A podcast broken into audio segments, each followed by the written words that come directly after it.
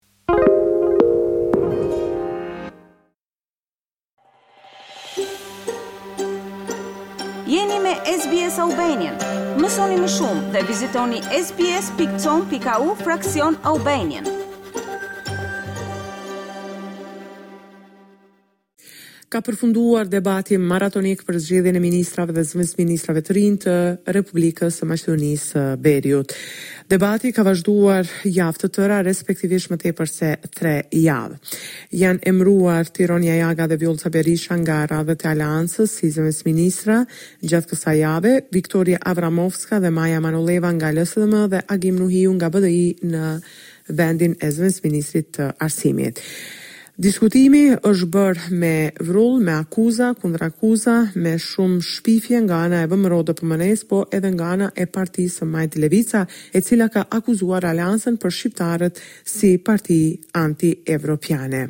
Gjithashtu janë votuar edhe ministrat dhe tashmë kabinetet qeveritare janë të plota për punën e stafit të ri të Qeverisë së re të Republikës së Maqedonisë së Veriut. Në anën tjetër, ndryshimet kushtetuese thuhet se do të fillojnë së shpejti në nivel ekspertësh. Procedura për përpilimin e draft amandamenteve kushtetuese duhet të fillojë së shpejti me debat të gjerë publik. Kryeministri Dimitar Kovaçevski ka thënë se grupet e punës do të përbëhen nga përfaqësues të shumë sferave, Për më tepër ndjekim deklaratën e tij. Ndryshimet kushtetuese duhet të fillojnë në nivel ekspertësh, sepse fillimisht duhet të shkruhet ndryshimet kushtetuese që do të munden qytetarët dhe të gjithë të tjerët të shohin se si duken ata ndryshime kushtetuese. Këtë do ta bëjnë ekspertë nga Ministria e Drejtësisë, profesorë universitarë dhe sigurisht përfaqësues të partive politike. Normalisht se do të kyqen të gjitha partitë politike, sepse procesi i ndryshimeve kushtetuese parashikon përfshirjen e të gjithëve në Kuvend.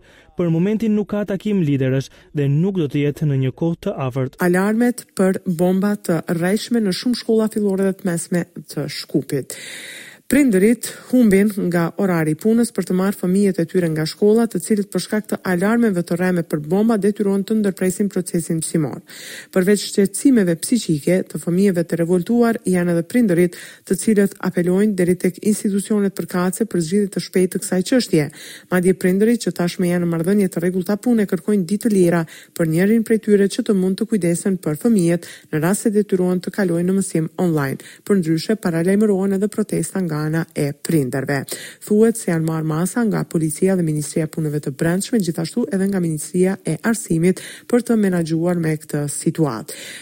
Kryeministri Dimitar Kovaçevski thotë se është një luftë hibride që ka të bëjë edhe me luftën që po zhvillohet aktualisht në Ukrainë. Për më tepër do të ndjekim deklaratën e ministrit të Arsimit, Jeton Shaqiri. Sa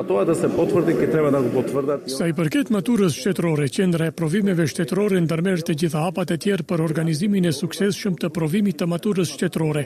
Matura do të organizohet. Institucionet e udhëhequra nga LSM dhe BDI po marrin gjithçka për të mbrojtur qytetarët dhe standardet e tyre në kohë të krizës ekonomike globale, thuhet nga qeveria.